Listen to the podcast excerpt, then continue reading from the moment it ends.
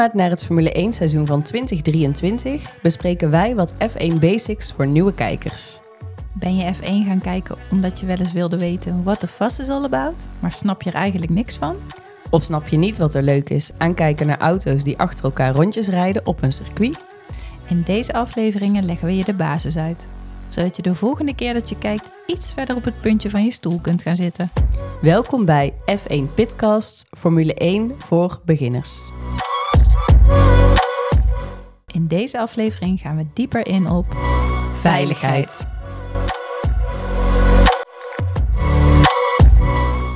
We gaan het nu dan hebben over de veiligheid. Die is eh, ontzettend verbeterd uh, nou ja, gedurende de hele tijd eigenlijk van de Formule 1. Het kwam in de jaren 50, 60 uh, en ook zelfs jaren 90 nog wel voor dat coureurs crashten en daarbij ook het leven lieten.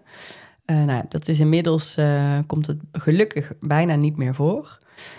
En een onderdeel van die veiligheid zijn bijvoorbeeld de vlaggen en codes. tijdens een race kan het zo zijn dat er iets gebeurt op de baan. En dan gaan de marshals die langs de baan staan met vlaggen zwaaien. En die zijn eigenlijk om duidelijk te maken richting de coureurs... Van wat gebeurt er en wat moet je doen. Dus er zijn een aantal dingen die daar aan gekoppeld zijn. want Isel, stel jij zit in die auto als coureur... en er wordt een blauwe vlag gezwaaid. Wat moet je dan doen? Dan weet ik dat ik bijna op een ronde gezet word... door de ja, snellere auto achter mij. En dan moet ik aan de kant gaan. Ja, precies. Dus als jij bijvoorbeeld uh, nummer 13 bent en de nummer 1 uh, eh, komt eraan, dan moet je inderdaad, je moet dan niet gaan racen. Je moet niet je plek gaan verdedigen. Je moet hem gewoon langs laten. En stel dat er met een gele vlag wordt gewapperd. Dan is er in een bepaal, op een bepaalde sector van het circuit ehm, is er iets waardoor je moet opletten.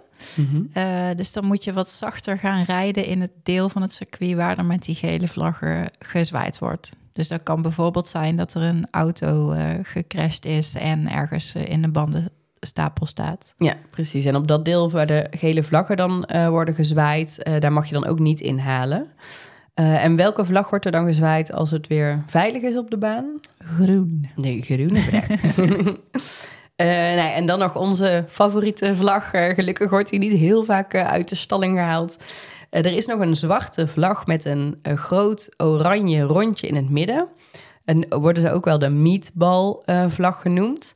En die wordt gewapperd op het moment dat er een auto op de baan is waar iets aan de hand is. Bijvoorbeeld er is een crash geweest, uh, hij is getoucheerd en een stuk van de vleugel hangt los. En als de wedstrijdleiding inschat, dit is gevaarlijk, dit kan er wel eens af gaan vliegen, dan krijgt hij de meatball en dan moet hij zo snel mogelijk naar de pitstraat om het te laten repareren om uh, überhaupt weer mee te mogen doen. Nou, dan hebben we een aantal van die vlaggen uh, besproken. Eén belangrijke vlag is nog de rode vlag. Op het moment dat die uh, wordt gewapperd, dan wordt heel de race voor alle coureurs stilgelegd. Um, en dat heeft natuurlijk invloed. Soms wordt een, een, race daarna wel hervat. Stel, er is een, een, heftige crash geweest, die wordt opgeruimd, maar daarna is de baan weer veilig. Dan gaan de auto's in principe gewoon weer rijden. Uh, maar het komt wel eens voor dat een race niet volledig uit wordt gereden. Want na de start hebben ze drie uur om een race totaal te rijden. Dus stel dat het wordt uitgesteld of er is een, een periode van een rode vlag uh, dan kan het dus zijn dat niet alle rondes meer gereden worden. Het is zo dat er minimaal twee ronden moeten worden gereden om überhaupt punten te kunnen krijgen voor het winnen van een, een Grand Prix.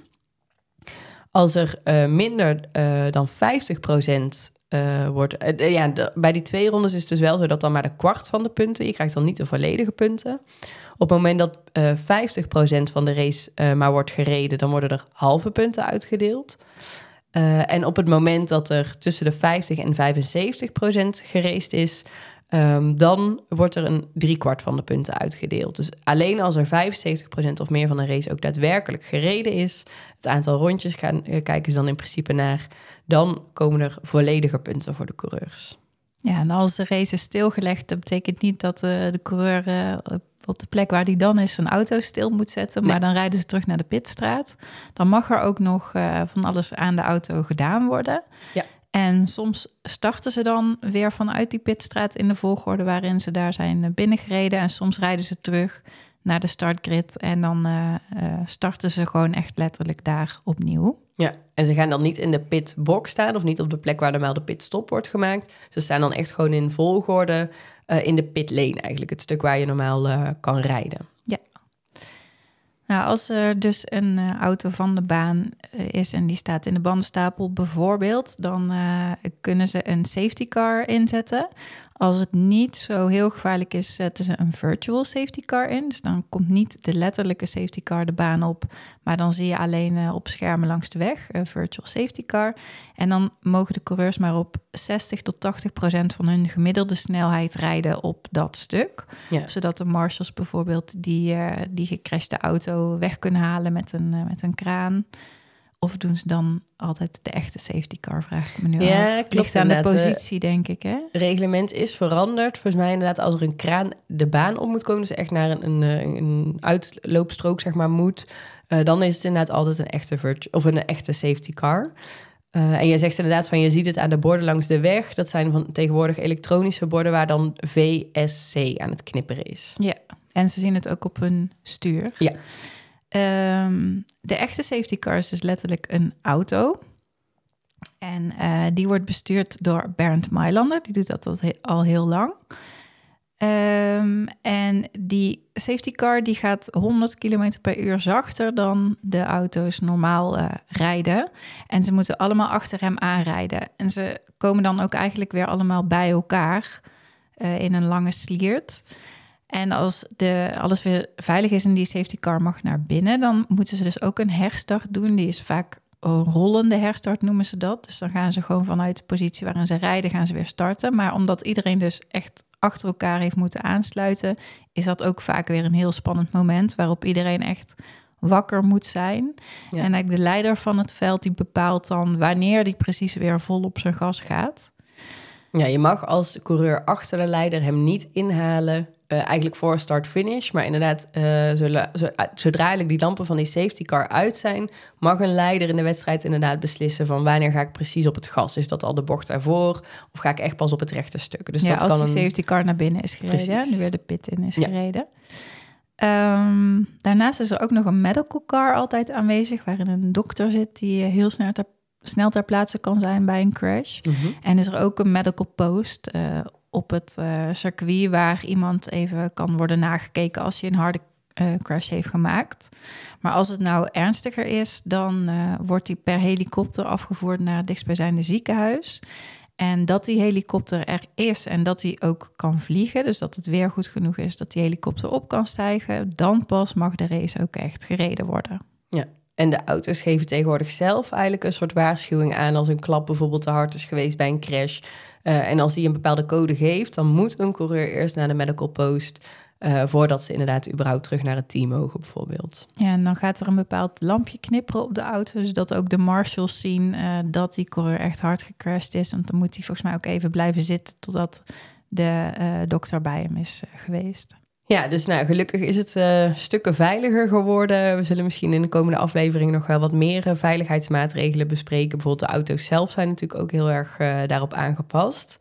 Maar we hopen hiermee met deze winterspecials een beetje een, kijkje te hebben gegeven in wat is nou eigenlijk de basis van die Formule 1 en wat meer info mee te hebben gegeven. Nou, wat Isel, als je nou denkt, ik wil komend seizoen gaan volgen. Waar kijk je eigenlijk Formule 1?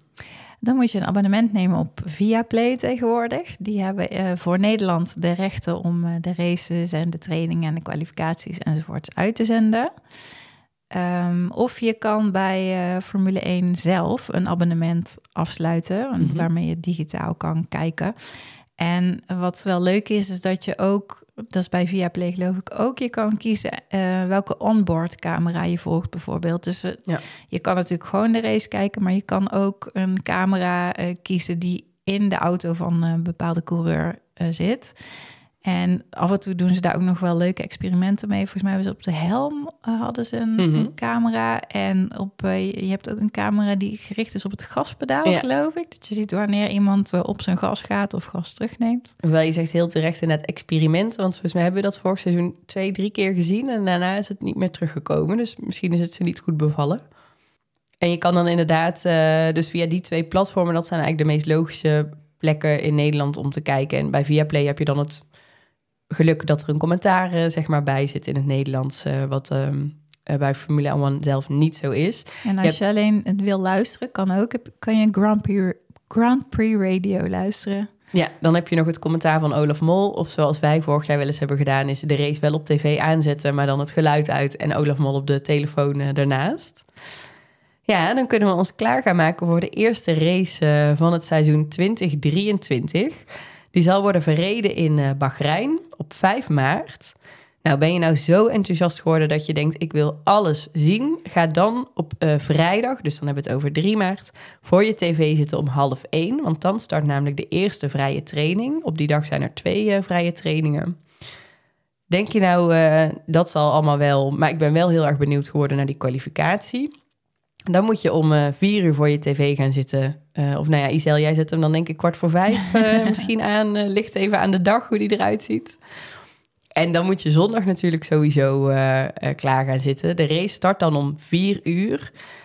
Vaak is er ongeveer anderhalf uur voorafgaand aan de race. In ieder geval bij Viaplay zijn er al wat interviews. In een studio wordt het al voorbesproken. vaak zijn er wat specials gemaakt rond zo'n circuit. Dus dan krijg je al wat meer inside information over deze race. maar dan om vier uur stipt, dan gaan de lichten uit en dan zijn we weg.